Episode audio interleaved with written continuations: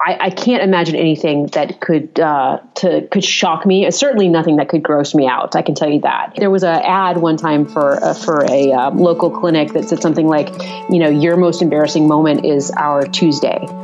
Welcome to the Women Inspired podcast, brought to you by Modern Well, a beautiful woman centered collaborative workspace in Minneapolis, Minnesota.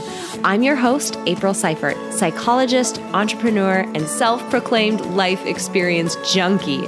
Each week, I will introduce you to a different woman who is succeeding and inspiring others in one way or another. We'll dive into her story, her successes, failures, and the lessons she has learned along the way, all with the goal of inspiring you to listen to that inner voice who keeps reminding you that there is something you want to take action on. You are so much more capable and powerful than you give yourself credit for. Inside of you is a woman on fire. Let's let her out and see what happens. Here we go. Hey, everybody. Welcome back to the Women Inspired Podcast. My name is April Seifert, and I am your host. And this week, like every week, I am bringing you an amazing, inspiring woman. But before we dive into that, I want to talk about the fact that I hit the explicit button on this episode. I reluctantly hit the explicit button on this episode. And here's the thing. Today's episode, in full transparency, we're going to be talking to Dr. Kelly Culwell. She is an OBGYN, and we'll be having a very straightforward, candid, open discussion about women's health and all of the topics and body parts and things that come along with that. Now, I hit the explicit button because I never know who's going to be in the room with you when you're listening to my episodes. I don't know if you're going to have earbuds in, if you're going to be listening to Bluetooth in your car and everyone in the car can hear. Um, and in particular, I don't know if there will be little ears around. And that's why I hit the explicit button because I wanted to let you know hey, maybe take a peek at this episode before you just blast it out there. Now, here's why I was a bit reluctant. Kelly and I, Dr. Culwell and I, get into a really important discussion around why there are so many myths and why there is so much um, confusion about women's health. And one of the main reasons why is that we are trained to be ashamed of our own bodies and ashamed of our own health. And we're ashamed to the point that we don't ask questions and we don't openly talk about it. So I was reluctant to hit the explicit button because I'm like, am I just adding to that? Like by saying the by hitting the explicit button, am I somehow signaling to my audience that we're going to be talking about something that's kind of lurid or maybe shouldn't be discussed openly? And that's the opposite of why I was so excited to have Dr. Culwell on this week's episode. So Again, I want you to know that I hit the button just to sort of signal to you hey, there's a topic here that you should look at before you just listen wherever it is that you tend to listen. But that being said, this is a topic that deserves to be spoken about openly. We deserve to be able to talk about our bodies, ask the questions we need to ask, get the information we need to get in order to take care of ourselves. And there's nothing shameful about that. There's nothing shameful about our bodies. There's nothing shameful about what happens to them in terms of like, you know, health conditions that might come up. And there's nothing shameful about us asking the questions we need to ask in order to make sure that we're taking care of ourselves and, and doing right by our bodies. So, it's a very long winded way to say I was very conflicted about that explicit button this week, but I hit it, and that's why. So, all right, let's dive into the amazing Dr. Kelly Culwell. I was so excited to have her on. She, her online um, name is Dr. Lady Doctor, and she is a fellowship trained OBGYN, and she is so passionate about women's healthcare. That's the whole reason why she went into this field. She has over 17 years of experience in women's reproductive health, and she has worked with so many organizations, both in the United States and internationally. She was the medical um, medical officer for the World Health Organization in Geneva. I mean, come on now, like that's amazing. And senior medical advisor for the International Planned Parenthood Federation in London. So she has just this incredible background in women's health and so much information to share with us that is just practical and very candid and open today. So I am so thrilled for you all to meet Dr. Kelly Culwell. Kelly, I am so excited that you are joining us for this episode of the podcast. Thanks so much for being here. Um, it's a pleasure. Thank you. All right. So, we are going to have a really fun uh, chat today, and I'm really excited about your content area because you are an expert in something that uh, is very near and dear to women for sure. And so, by way of diving into that, help us get to know you a little bit. Tell us a little bit about yourself and about the work that you do. Yes, so I am an OBGYN. I um, have been in women's health for, um, oh, gosh, 17, 18 years now. I um, also have a master's of public health, and so I um, have focused a lot of my career in sort of education and both international and domestic public health around women's issues. So I've worked for the World Health Organization, I've worked for International Planned Parenthood Federation, I've worked in academics, I've worked in nonprofits. And currently, I am the chief medical officer for um, a company called Evofem Biosciences, which is working to develop sort of novel um, contraceptive methods for women who can to, to, be able to sort of control their own uh, fertility and and destiny.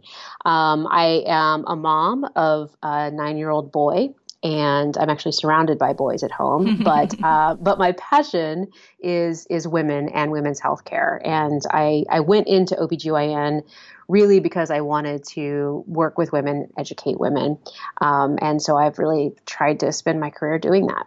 I love it. That is such a great background, and the work you do is so important. And what's interesting about it is that I feel like this area, and one of the reasons why I'm really excited to have you on, it's something that impacts all of us, right? Like our, our women's health impacts all of us, but it's also an area that I feel like there's a lot of gray areas and there's a lot of misconception and there's a lot of um, question marks and things that seem ridiculous that they mm-hmm. still exist. And so I think we're going to have a really cool conversation today.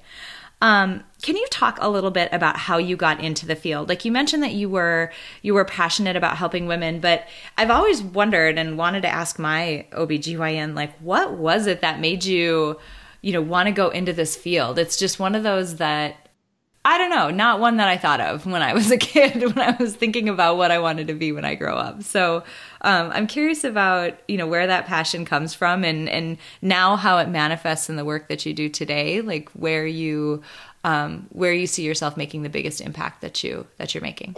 Well, I actually have a really great origin story, as all good superheroes do. Um, I when I was a medical student, I was doing so in medical school, you learn how to do pelvic exam. Believe it or not, you learn how to do pelvic exams on women who are paid to teach you how to do pelvic exams on them. So they're model patients. Oh my gosh. Uh, okay, like imagine that job. Also, another job that I never would have thought to exactly. have when I was a kid. Exactly. And these women are, they're remarkable, actually. They know so much about their bodies, as you might imagine. Um, I mean, they can tell you when you're touching their ovary. They can tell you, I mean, they, they are really in tune with their bodies and they are really excellent teachers. But yes, I agree with you. Not necessarily something I would do, but they're, they're really good. And so when I did my first pelvic exam as a medical student, I um, inserted the speculum and I saw the cervix. And believe it or not, there was I had a moment where I was like, "This is the most beautiful thing I've ever seen." I cannot believe. Really, I really, I, I was. I I just thought it was amazing. It just sort of popped into view, and I was like, "Oh my god, this is amazing!" And from then, I mean, it, it wasn't instant that I decided that I was going to be an OBGYN because at that point I was still thinking I was going to be a pediatrician. But I really, just that moment kind of changed my perspective. And I thought, I really, I want to look at cervixes for the rest of my life. and the more that I, um, you know, spent time in my OBGYN rotations and, you know, talking with women and spending time uh, with women, I realized that that's absolutely what I wanted to do. I wanted to, you know, devote my career to um, taking care of women. So mm-hmm. th- that's really it. I, I was uh, I was um, fascinated and uh, mystified by the cervix. I love it. No one has ever said that on the podcast before. That is like yeah. the first time that sentence has been uttered on the podcast ever. So that's great. You win, number one. There we go. Okay, good. I'm um, glad I could add something. totally, totally. I've interviewed a lot of people, and this is the first. Um, what I think is really cool about that is for folks who are listening, I mean, how many times across your life? Sure, it starts when you are reaching adolescence and all you and your friends are sort of looking around, wondering who's going to get their period and when is it going to happen and what's it going to be like and all the crazy, um, you know misconceptions start swirling and you kind of you think about that as being um something that happens with like adolescent girls, right? And then we grow up and we become adults and we just sort of know what's going on and we have the real facts and we have the real information. But that's, in my opinion, so not the case. Like, mm-hmm. super not the case. And there were, I can't count the number of times throughout my life, whether it was um, having to do with getting pregnant, being pregnant, delivering a baby, your body afterwards, where over and over and over throughout my adult life, I've run into these brick walls where people are like, oh, yeah, we just don't know the answer to that. I'm like, how? Mm-hmm. We're like half the population, and all of us have a vagina. Like, what? Like, what? And so it was really, it just amazes me. And so I love that you focus on, um, on this work because it seems so fundamental, but it's also something that's very gray for a lot of us. Well, it hasn't been very long that the FDA required uh, women to be included in clinical trials to get drugs approved. Right. Um, you know, so we haven't really been doing much research on women's health issues for for very long, and so there are still a lot of unknowns. I mean, you know, obstetrics is one of those areas that people are constantly amazed, you know, of how little mm-hmm. actual evidence we have for what we do. right. Um, you know, and, and the same goes for gynecology and really all things women's health is that there just hasn't been, you know, the degree of focus on on women and women's issues, despite the fact that we are, you know, half the population.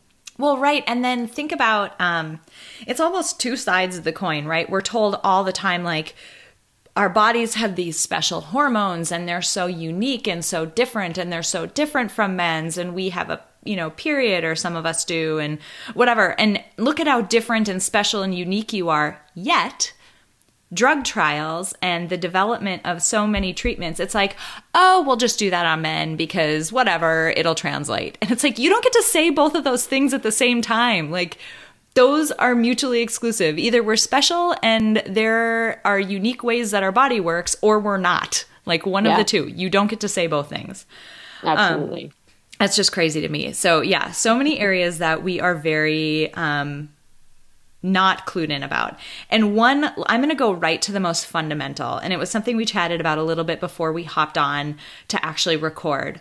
Um, there are so many, I feel like, misconceptions about the vagina itself. And even just saying that word, I promise you, like half of the people who are listening to me are like, go, she said it out loud on the podcast.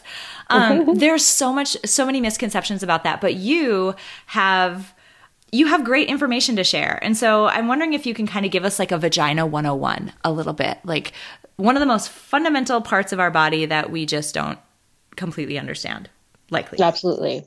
And if you want to really freak your podcast cost, podcast listeners out, I'm going to say the word vulva, vulva. which which just like blows people's minds, you know, because we're we're getting a little bit more used to saying the word vagina because it's constantly in popular culture, right? Mm-hmm. So my favorite thing is, oh, she was wearing a short skirt and not any underwear, and I could see her vagina. Mm-hmm. Well, let me just say, you probably didn't see her vagina. And the reason is that the vagina is the inside part. The vagina is the part that goes inside, it's the tube that goes from the outside of your body up inside uh, to your cervix and uterus. So, unless you had a speculum and you were looking inside, you probably didn't see her vagina. What you probably saw was her vulva, which is the outside part. Mm-hmm. Um, and people, for some reason, the word vulva, I heard someone say, "Oh, that's like moist." That's like you know, they, they don't like the word. They you know, it seems really gross for some reason. But there's nothing gross about it. Just like there's nothing gross about your vagina. So the vulva's outside part, it consists of the labia, which is most uh, women have an outer labia, the out, outer lips, and then the inner lips, the inner labia. And the shape and size and color of those labia can be dramatically different from woman to woman. And there's not one right normal way to look, which is another whole topic that we could talk about that I, I will abstain right now. but um, then the, the vagina, another thing that's really important to understand, and women don't always know this, and there's no shame in not knowing this because we don't teach girls about the outside of their anatomy. I don't know if you know, if you remember sort of sex ed, you can remember mm-hmm. sort of mm-hmm. that that ram's head picture of the uterus and tubes and ovaries. And that's oh my god, that's exactly what it looks like. You're totally yeah. right. It looks like a ram's head. Yeah, that's the only part of your anatomy that you ever see in sex ed. And I can't. The only thing I can imagine is because anything on the outside makes people really uncomfortable because it becomes maybe quote unquote pornographic, you know. Um, so, but the outside is so important. So you've got your vagina, and here's a top tip you don't pee out of your vagina.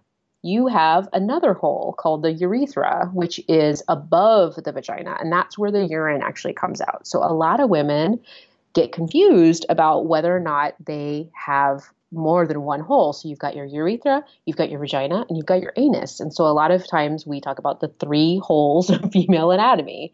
Um, and it's really important to understand that because when things go wrong with certain parts, you need to know sort of what it is that is the issue. Um, the other very key thing that we talk about with the vagina is the fact that it really is self cleaning. So, vaginal discharge comes from both the cervix, which is at the top of the vagina, and from the vaginal walls itself. And uh, the purpose of vaginal discharge is to keep the vagina sort of clean. And you have bacteria that live in your vagina all the time, it, totally normal. And you have both good bacteria and bad bacteria. And most of the time, the good bacteria are winning the day, and they are keeping your vagina in a nice, normal um, range of the pH, and you know, and and everything's going great. Now, if things get out of balance, sometimes the bad bacteria can can overtake the vagina. But for the most part, the vagina itself is sort of a self cleaning thing. So you don't need to put anything in it to clean it. You don't need to, you certainly shouldn't add any scents or deodorizing or anything like that because that really can just lead to irritation. And that, okay, so this is, this is even beyond us not being told these things. We're actually actively told the opposite. Like we're actively marketed to so as to believe that we we need those products that that uh, there's something deficient that we need to fix down there. And that's why we need special cleaning products that you squirt up there or scented something or other that you would put on it. Well it's a, a lot about shame right? Mm-hmm. so we are taught from early early age that the vagina is gross and smelly right? And that we need to somehow cover that up or fix it um, a normal, healthy vagina that is not does not have an infection uh, it has an odor. It has a smell. And and it's different for from woman to woman to woman and it's different throughout the course of your menstrual cycle. Hmm. and that's normal. It's completely normal. Now there's some odors that are not normal that indicate infection and that's something that you know definitely it's important to know what your normal sort of smell is so that you know when it's gone abnormal. Mm-hmm. Um, but there's nothing wrong with the normal, healthy smell of a vagina. And um, unfortunately, you know, we are, are taught to be very ashamed of our anatomy. And so part of that is the marketing of products, you know, to make us quote unquote clean or have that not so fresh feeling, right? right. Yeah. Well, and that's something that uh, is so frustrating to me because um, I get really fired up about issues of uh, situations where things are not fair, situations where things are not um, fair is the right word because not always are things equal, but fair maybe is another way, or egalitarian maybe is another word for it. But when we um, put so much shame on women about their body, about their body parts, that leads to this situation that we're in where we don't know what the outside of our body is called because we're so ashamed of it and it should be covered and not talked about or touched or whatever. And it leads to situations that actually impact our health in these positions that we're in where we're grown women and we don't understand how our bodies work. And that's just wild to me. Yeah. I just, it's just wild to me. And it leads to, you mentioned the word moist, and I'm going to say it five more times moist, moist, moist, moist, moist. because um, it's, it's funny because you think about why that word is gross to people. And they'll say, well, it's like, it's like the word panties. I don't like that word either. And I'm like, well, what do those things have in common, right? They right. have the fact that they have something to do with your vagina and your vulva is what they have in common. And that's that like triggers this gross reaction to us. And that's sad because that's a part of our body that we're trained to yeah. hate or Absolutely. be grossed out about. Yeah. And and that and it also keeps you from being honest with your OBGYN or sometimes even going to your OBGYN because you're so ashamed. You know, I mean, I can't tell you how many women, you know, come into the office and say, "Oh, I'm so sorry I didn't wax." Or, you know, I didn't I didn't shave before I came in. And I'm like, "Are you kidding me? Like I don't care if you wax or shave." You know, I, I it doesn't matter to me at all. Um, you know, and but but it is. It's sort of they're apologizing to me for you know, having been at work all day and so they couldn't shower immediately before they came in or whatever it might be. I mean, obviously hygiene's important, but I mean, we're not talking about that. We're talking about people who are really ashamed um, of what their natural body looks or smells like. Mm-hmm. And when that comes through, even when you're interacting with your doctor, that actually can be detrimental to your health. So let's talk about that a little bit because, you know, a lot of us go to a regular appointment with some regularity uh, to an OBGYN, or at least it's uh, suggested that we do. What, what else do you see in those appointments? Because I feel like that's that's your time. Like my OBGYN is my primary care physician, or that's at least how I use him. And um, that's kind of the time to get – questions answered and really make sure that things are going well and make sure that you're taking care of preventive care. Um, how can we how can we do that well? How can we make the most of those appointments when we come to see our obgyn yeah. So I have a few tips that I kind of recommend because you don't have a ton of time, right? And so it, what you need to prepare it depends a little bit on whether or not you're coming in for like a routine appointment versus coming in for a problem.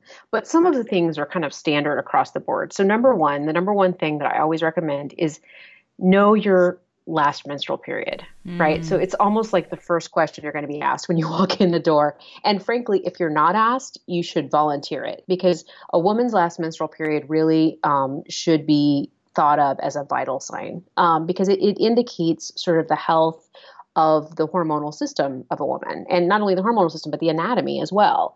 Now some women are not going to have menstrual periods because of medications they might be on like hormonal birth control or other things and that's fine. Some women have irregular menstrual periods because of medical conditions but that's important for your healthcare provider to know. So i just couldn't recommend more that you get some sort of either period tracking app or put it in your phone or something like that because number one, it's important to to know if you're having regular menstrual periods. And a lot of women, I mean, all of us, me included, if you had to think back and not write these things down, you'd be like, well, I think I had a period a couple months ago, or maybe it was last month. I, I'm not sure. And that's really important um, because number one, we got to make sure that you're not pregnant, um, you know, and number two, uh, if there's something going on that's causing you to miss menstrual periods or have irregular or even more frequent menstrual periods than you than you know kind of normal, we need to maybe evaluate that. So that's really important. Some other key things is if, if you're coming in for a problem in particular and you've been seen by another doctor or if you had if you've had tests somewhere else, please try to see if you can get the um, records in before your visit.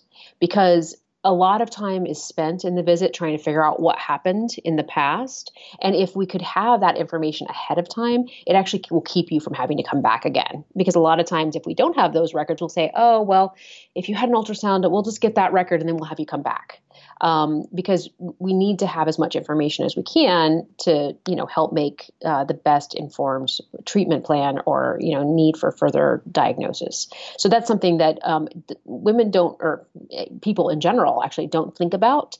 But in our sort of unfortunately fractured healthcare system, it's really hard for doctors to get access to records unless well, it's impossible for a doctor to get access to records unless the patient requests them. Mm-hmm. And if you could try to do that ahead of time, that's um, a lot better. Yeah. Um, the other thing that I also recommend is in addition to keeping track of your period, if you're having any symptoms that you're worried about, try to keep track of those symptoms. Like keep track of them, start writing them down. When do they happen? What makes them better? What makes them worse? Um, how frequently does it happen? Um, particularly if you're having pain, you know, where is it? Does it radiate? How severe is it? You know, can you characterize it? These are things that if you can keep track, kind of keep a diary of these things because most likely you've called and you've made an appointment with your doctor and you've having you're having to wait, you know, maybe a week, two weeks, maybe longer. During that time, really try to pay attention to these symptoms because that really will help um, guide where the the doctor can go to try to figure out what's going on or to try to treat what's going on. Mm-hmm. And the only the final thing I would say is similar to the um, healthcare records is I always recommend people sign up for electronic healthcare uh, record access. So, you know, things called MyChart or something like that, because that is a really good way to interact with your healthcare provider um, in a secure manner, um, you know, between appointments and to make sure you can get access to your lab results and, you know, you can actually track your um, your weight or your vital signs over time in those in those um, websites. So that's another thing I really highly recommend as well. Totally makes sense. And where my mind goes to this is this is really really helpful to think about, you know, how we can get as much done in like you mentioned a short amount of time as possible as in as short amount of time as possible because we don't get a ton of time in front of you, you know, in those appointments.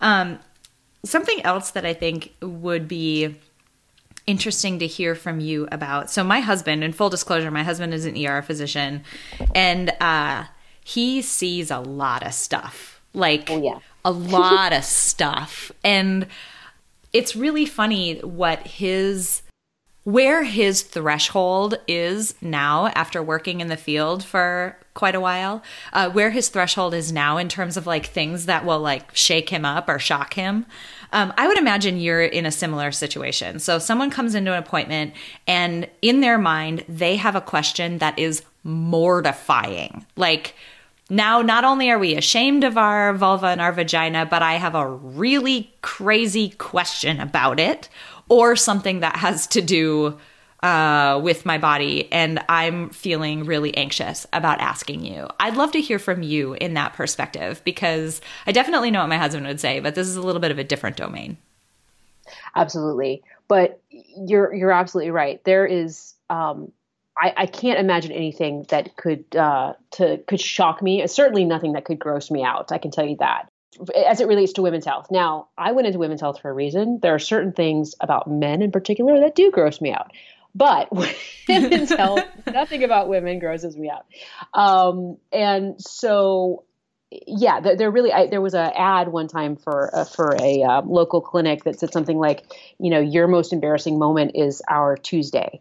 Um, mm. it, it, really mm. is. It's what we do. It's what we do for a living. And frankly, hearing what it is, we would far rather hear what it is and and and kind of upfront than go down a path that is not going to be helpful to you or completely miss something and end up ha- you know seeing you months later for a much more severe problem. Mm-hmm. So we absolutely, you know, want to hear those most embarrassing, most gross, most shocking questions because it's really important. I mean, just as a perfect example, you know, sexual practices. Mm-hmm. You know, we, we really need to know, and, and a lot of healthcare providers are getting better about proactively acting, asking about sexual practices, but we need to know some of these things because it, it actually impacts the type of tests we need to do. So, for instance, if we're screening you for sexually transmitted infections, we need to know where to screen you, what parts mm-hmm. of your body mm-hmm. need to be screened. Um, that's really important.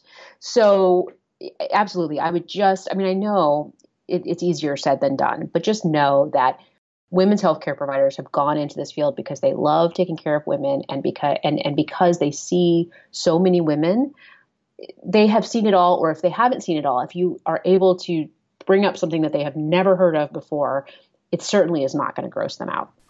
That's amazing to know and that's amazing permission to to be able to um, go in and ask the questions that we want to ask um, and that we need to ask in order to make sure that we're as healthy as possible because i mean in, it's the embarrassment side of it is one thing I mean, that's definitely there, but also the um, the training that we get culturally to not be a burden and not um, not ask too much of people. Mm-hmm. I think that comes into play too, where we feel like we don't we don't want to be a burden on you, and we don't want to keep like dragging things out and keep asking because. Um, you know, maybe you need to get on to the next thing or whatever. Like we're just being kind of a burden. Yeah, and you know, leave it to your doctor to you know, and don't be upset or you know, if your if your doctor says, "Look, you know what? I actually can't. I don't have time to address that today, but we'll bring you back and we'll address that another visit." Uh, you know, don't feel bad about that because there is it is true that there is a limited number of hours in a day mm-hmm. and you know, the more the doctor, you know, spends extra time with you, the later they're going to be for everybody else. And so there might be a point at which when you bring up something if they don't have time to address it today, they'll have you come back. Or maybe we can get some tests and then have you come back. Or maybe, you know, uh, I'll ask you to do, to take a diary of these things between now and two weeks from now when I see you again. But the important thing is to start the conversation. it, it is true that, you know, we might not be able to take care of everything on that one visit, but it's important to start the conversation so that we know what you're going to need from us in the future. Mm-hmm. Totally. And one of the things that, um, you know, came up in my uh, recent past as I was talking with my uh, OBGYN. I had a baby six months ago. And that, I mean, you know, think about like you've, you've grown an entire life in your body and one way or another, it has come out. And each of those ways has its own situation to handle. Um, but the aftermath of that, say the year or two, or sometimes more, I would imagine, after your body goes through something like that, it's just weird. I mean, the stage I'm at now is like the weird stage where big clumps of your hair fall out like every day. and so, um, our, I mean, rest in peace, everyone's drain. If I take a shower at your house, my poor house, I mean, there's just no way of avoiding it. I mean, my body is just like, expelling hair. It's disgusting. Um, but there's so much that happens after your body goes through something like that. And um, I was speaking with one of the physicians that I saw after I had uh, my most recent baby, and something she's really passionate about is pelvic floor and all the related things because that's one of those areas where repeatedly this happened before I had kids. I heard this uh, type of stuff while I was pregnant. And then since then, it's this assumption that there are just certain symptoms that, oh, yeah, of course we have that. I had a baby. And like no one thinks to question. And in here, I'm talking about you know, if you pee when you laugh or you pee when you jump up and down or you sneeze or any of those other like weakened pelvic floor symptoms, everyone just passes them off. Like, well, of course. I mean, everybody does, and there's nothing wrong, and there's no way to fix it. And I'm curious about your uh, take on that and what info you might have to share with us because it is super pervasive. And maybe it's top of mind for me because I just had a baby, but still. No, it's it's such a common issue. You know, it's it's really interesting because in my OBGYN residency, I would say I learned almost nothing about um, sort of well, as an example, pelvic floor physical therapy, um, which is such an important way to rehabilitate your pelvic floor muscles um, it, it, during the whole course of your life, actually, but but particularly after having a baby. And you know, in France, it's actually part of routine postpartum care. Yes, uh, that book. There's a book called I think it was this book, Bringing Up Bebe I think uh-huh. it might have been in that book, part of it, where she talks about how like she had to go to the doctor and they put this like thing in her vagina and it like measured her how she was able to contract in certain ways. And she's like, I'm terrible at this. Like I couldn't do it. It's just yeah, amazing. Yeah. I had never heard of that. Yeah, absolutely. It's it's um yeah, it's sort of the biofeedback part of of the pelvic floor physical therapy, and it's such an important. I mean, the pelvic floor is such an important part of your entire body. So it's it's it, it, it definitely impacts your ability to hold your urine and and your stool and your gas and all of that. But it also is so related to issues around pelvic pain, to core strength, to back pain. Um, you know, there's so many issues that the pelvic floor impacts, um, and it's it's such an important um, part of our anatomy that we just don't we don't talk about in lay culture to be honest, there's very little discussion of it, even in medical training. And until recently, I think pelvic floor physical therapy hasn't really been something that is sort of part of mainstream medicine. And I actually learned about it uh, from a nurse practitioner who was really good at doing, you know, assessing sort of the pelvic floor as it relates to women who come in with pelvic pain. And, um, you know, I, I, just became more and more uh, a, a convinced that you know pelvic floor physical therapy has such a huge role in treating a wide variety of um, women's health issues because the pelvic floor is attached to everything. And we you know and, and i think just because women's issues have been you know not talked about so shameful and then you know women are just expected to sort of suck it up and deal with it. Um, you know we've not uh, addressed these issues in a way that um, you know that women feel comfortable talking about them because they don't think there's anything that can be done right and all you hear repeatedly when you're both uh, pregnant sometimes during the delivery i mean you're you're going through a thing then right during the delivery and then afterward is oh all that matters is that the baby is healthy. And I will admit, like, I was very concerned and very focused on making sure that that baby was healthy. Yep. But you're a human being with like health needs as a result of all of that as well. And so I think we're so conditioned and we're told over and over and over that all that matters is the baby's healthy. All that matters is the baby's healthy when it isn't. And we just sort of, I don't know, suck it up and move on and keep taking care of everybody else.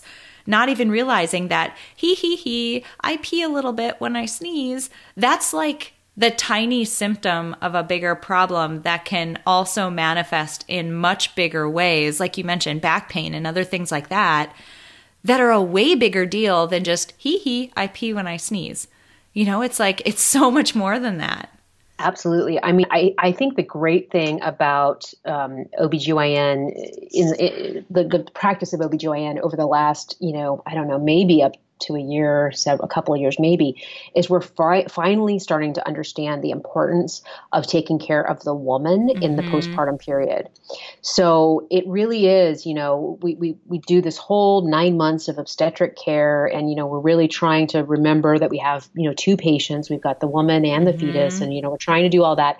And then in the postpartum period, traditionally, the baby comes out. I mean, how many sort of memes and silly things have you seen? This woman just laying there you know, with no one paying attention to her and everyone crowded around the baby. Mm-hmm. Um, and there was a really great series by NPR and ProPublica about, you know, the maternal mortality and the fact that, you know, through our emphasis on the baby, women are dying in the postpartum right. period. I mean, not just, you know, having issues with incontinence, but I mean, literally dying because we had this misperception of things like preeclampsia that once the baby's out, women d- can't suffer from preeclampsia anymore. Well, that's absolutely not true. Um, you know, and so or bleeding or whatever it might be, um, there are real health problems from the absolute, you know, crisis problems to the longer term health pro- problems that are so important to address in women after the baby is born. And I really love this idea of the fourth trimester, mm-hmm. you know, and that, that first three month period of time. And frankly, it goes on longer than that. But at least if we can just focus on the fact that women need extra special care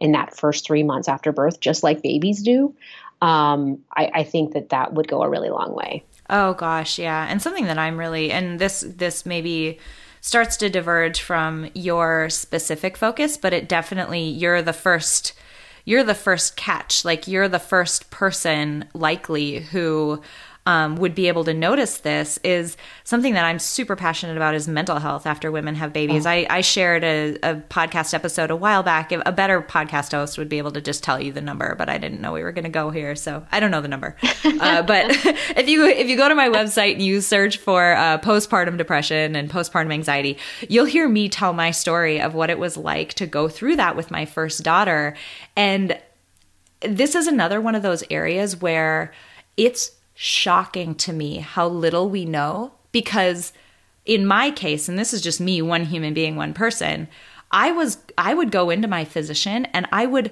perfectly honestly I mean, kudos to them for asking me the questions every time and giving me the sheet that you fill out every time you go to the doctor to make sure that, you know, you you don't have symptoms of postpartum depression. None of those questions applied to what was actually what I was feeling. They didn't I like the question about do you still enjoy things that you used to be able to do? I was like, oh my God, please, can I go do them? Like, I want to run away from my family and go do those things. I would be so happy. But none of the questions that I was filling out perfectly honestly were able to point at this woman is not okay. Like, she is severely not okay. And it wasn't until I, as a psychologist, like, sort of had a clear moment of clarity where I was like, this isn't depression. This is anxiety. This is anxiety, and I'm starting to develop PTSD about it. Oh my God, this is exactly what it is. And I went in and said, I want this, I want treatment for this exact thing. And it wasn't until then that we figured it out. So, that period after you have a baby, there's so much that, not to scare anyone or whatever, but just more to say, you you're worth it too. Like your life is worth it and your health, mental, physical, all of it, it's worth paying attention to and it's worth being very gentle and um and caring toward yourself in the same way that you are that little baby. Like you guys went through a lot together. You know, you went through a ton together and you're both kind of trying to find your way out of the crazy that just happened. so absolutely it's just something yeah. i'm so passionate about to make sure people like i mean god please listen to my story and if any of it resonates and whatever please go talk to you know your doctor and, and make sure that you're getting help because holy bananas like there is such a bright light on the other side um, but you do need I, I definitely needed help in a variety of ways to get to that point well, and it's so important to share your story because, you know, I, I think rather than scaring women, it's important for women to know that these that other women are experiencing these same things because you feel so alone mm-hmm. because you're you're made to feel as a woman that if you're not like jumping up for joy and you don't have the immediate like I have more love in my heart than I've ever known possible the minute the baby is put on your chest you know that something's wrong with you mm-hmm. that you're you know that you're not normal that mm-hmm. you're the only one that's ever felt this that it's all supposed to be sunshine and puppy dogs and rainbows and i didn't you know I mean, I was an, an older mom when I first had my baby. I was an OBGYN, and I still had that feeling that I was the only one that had ever been through this. Mm-hmm. And when I started to talk to women afterwards, and they're like, oh, yeah, no, that's all. And I'm like, why doesn't anybody talk about this before? Like, right. why don't people talk about the fact that it's not all sunshine and puppy dogs and rainbows? And there are absolute things that you need help to get through. And we do such a bad job. I mean, the traditional postpartum care is, you know, you don't see your OBGYN until six weeks later. Yeah. I mean, by six weeks, you know, you've either gotten some stuff figured out or it's gotten pretty bad. Mm-hmm. Um, and you know and it's it's pretty common that you know because you're taking the baby in at the one week visit or the two week visit that the pediatrician is the first one to see and and they're actually having to train pediatricians to be like pay attention to mom because you know she's not going to see anybody for another month that's that's where i took my first and took and passed with flying colors my first depression yeah. inventory that i should have failed Like I was yeah, not okay, yeah. severely not right. okay by that point. Right. And and I remember I told my OBGYN, um, and I actually gave birth in Switzerland, which is a whole other story. But I told my OBGYN at that postpartum visit, that six week visit, I was like, you know, I really am not doing well, you know, and I was, you know, telling the stories about I was really unhappy. And she said to me, yeah, I had a woman one time uh, who was postpartum and told me she wanted to stand in front of a bus. And um, I thought, well, postpartum's hard. like, or or what I heard too is oh, you're a first time mom. Like, of course you're nervous. I'm like, no, no, no. Being yeah. nervous about, huh, I don't want my wet, soapy baby to slip out of my hands in the bathtub. That's a rational, like, you're learning how to do a thing for the first time. That's a, that's a rational nervousness. Having some of the invasive, intrusive thoughts that I couldn't stop in my head that were more, I won't even, I, I, it took me years to even repeat them to my husband, but that were more shocking than anything that a horror film director could possibly dream up. That's not normal. Like, right. so we need to stop sort of patting women on the head and patronizing them in that period around, you know, oh, it's okay. Like, of course you pee your pants and you're nervous. Like, yeah, the baby, right. no big deal. Move on. And of course the baby's healthy. So that's all we care about. Exactly. Yeah. This has been so incredibly helpful. And I have about 8,000 questions that I want to ask you. And I, it'll just open up so many more cans of worms because there's, it's just such an important topic that, um, I'm excited that you were able to come on because it, it's just so important to all of us. Um, if people want to get more information or they want to connect with you or learn a bit more, how can they find you? Yes. So the best way would be to go to my website, which is drladydoctor.com. So it's dr and then spelled out ladydoctor.com. And there you'll find a blog that um, I post about issues that either I think are really important or that I've been asked to address by um, some of the people who follow my blog uh, or follow me on social media. Um, you can actually contact me directly on my website. There's a contact me link. And if you have specific questions, either about your health or questions that you'd like me to address in a blog post, please feel free to um, reach out to me there. There's also a list of resources on my website that I call She Sources, mm. and they mm. are um, really vetted websites uh, that provide excellent information about a broad range of um, sexual and reproductive health. So, if you're looking for something that you don't find on my blog and you don't feel like asking me, you can probably find the answers on one of those websites. Yeah. And you can also um, reach out to me on social media as well. I'm on Instagram and Facebook. That's wonderful. I'll link to all those things on your show book, show notes page.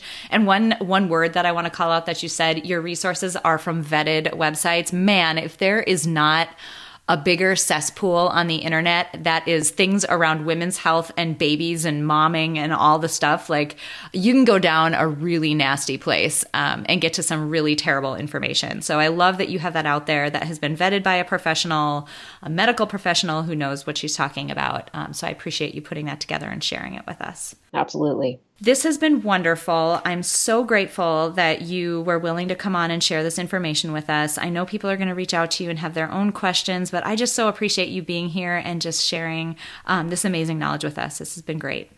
Well, I really appreciate what you do. So thank you so much.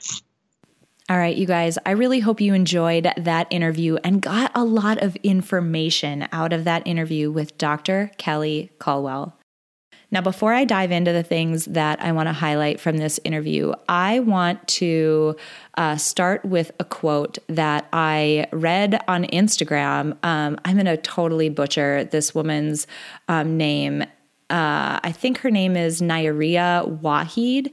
Um, I'll link to her Instagram uh, in this show notes page, but it's this incredible poem. It's a section of a poem, and it reads Be softer with you. You are a breathing thing a memory to someone, a home to a life. And I just thought that was so poignant and so perfect in terms of the way that we as women should think about how important we are and how important our health is to ourselves. Like our bodies are home to our life. They are the container that carries around our soul and carries around our life in this world. But also, we are such important people to the other people who are in our lives. Like we are memories to some people and support mechanisms to some people and caretakers and all the things. And that means we're very important and we deserve to be taken care of and we deserve to take care of ourselves. And so with that, you know, thought in mind, let's dive into a few things from this week's episode. The first thing that I want to talk about today is the discussion that Dr. Culwell and I had around um, the way that we are brought up to feel shameful about our bodies.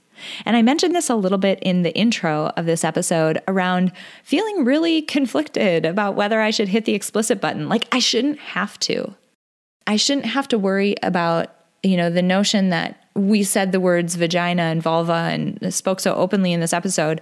I shouldn't have to worry about how that might offend someone or gross someone out.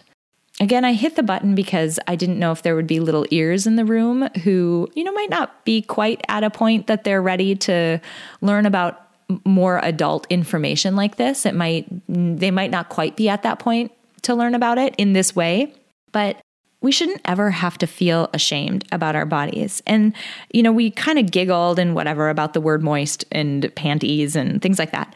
Um, and you're probably like cringing as I say that again right now. But think about why that grosses you out and why things that have to do with a part of your body, um, why that's so gross and why it's not gross for, for example, um, men. They are not grossed out by their genitals we are just brought up to feel so much shame around our bodies, um, and it, it's to our own detriment. Not only does that shame keep us from getting the information we need to get about ourselves to keep ourselves happy. Uh, healthy and asking the questions that we need to ask in order to get that information. But it really plays over into a lot of other areas of our lives. And in particular, um, one episode that I want to call out, I believe it was episode 83, it was with Jamie Thompson. She is a holistic sex coach. Shame around our bodies can impact the way that sex plays into our lives and our relationships. And I would encourage you, if you are at all interested in this topic that we talked about today, to check out that topic as well because they are so interconnected. So, number one, I had to start off this outro with talking about that notion of shame and how we shouldn't have to feel ashamed about such a fundamental part of our body. Number two, uh, I want to highlight how wonderful that conversation was about it was kind of twofold. The sort of vagina 101 conversation that we had and then also how to make the most out of your appointment with your doctor. Making sure that you're coming in with relevant information making sure that you're taking care of um, and tracking your symptoms and that you know when things started happening and how you know what makes them better and worse and um, really have a good handle on what's been going on with you. And then last, that you feel empowered to ask any question that you need to ask, to bring up any symptom that you need to bring up, because that is literally the role of that person who is there is to serve you and make sure that you are as healthy as possible and that they can help you with whatever it is that you bring up. I guarantee you the things that, you know, Kelly said in this interview were echoed by my husband so many times. You know, when he um, he doesn't share details with me about any of his patients, but he'll come home and say, "Gosh, you know, there was a person today that I really could have helped, but it took so long to get this person over feeling weird about just asking me about something so straightforward. Like their problem ultimately was not shocking, was not gross to me, was not embarrassing. Like I'm here to help them, and I can help them, but I can't do it unless they're sharing with me what's going on." On. So please, please, please do what you can to make the most out of those appointments because, again, like your health is important and you are an important person.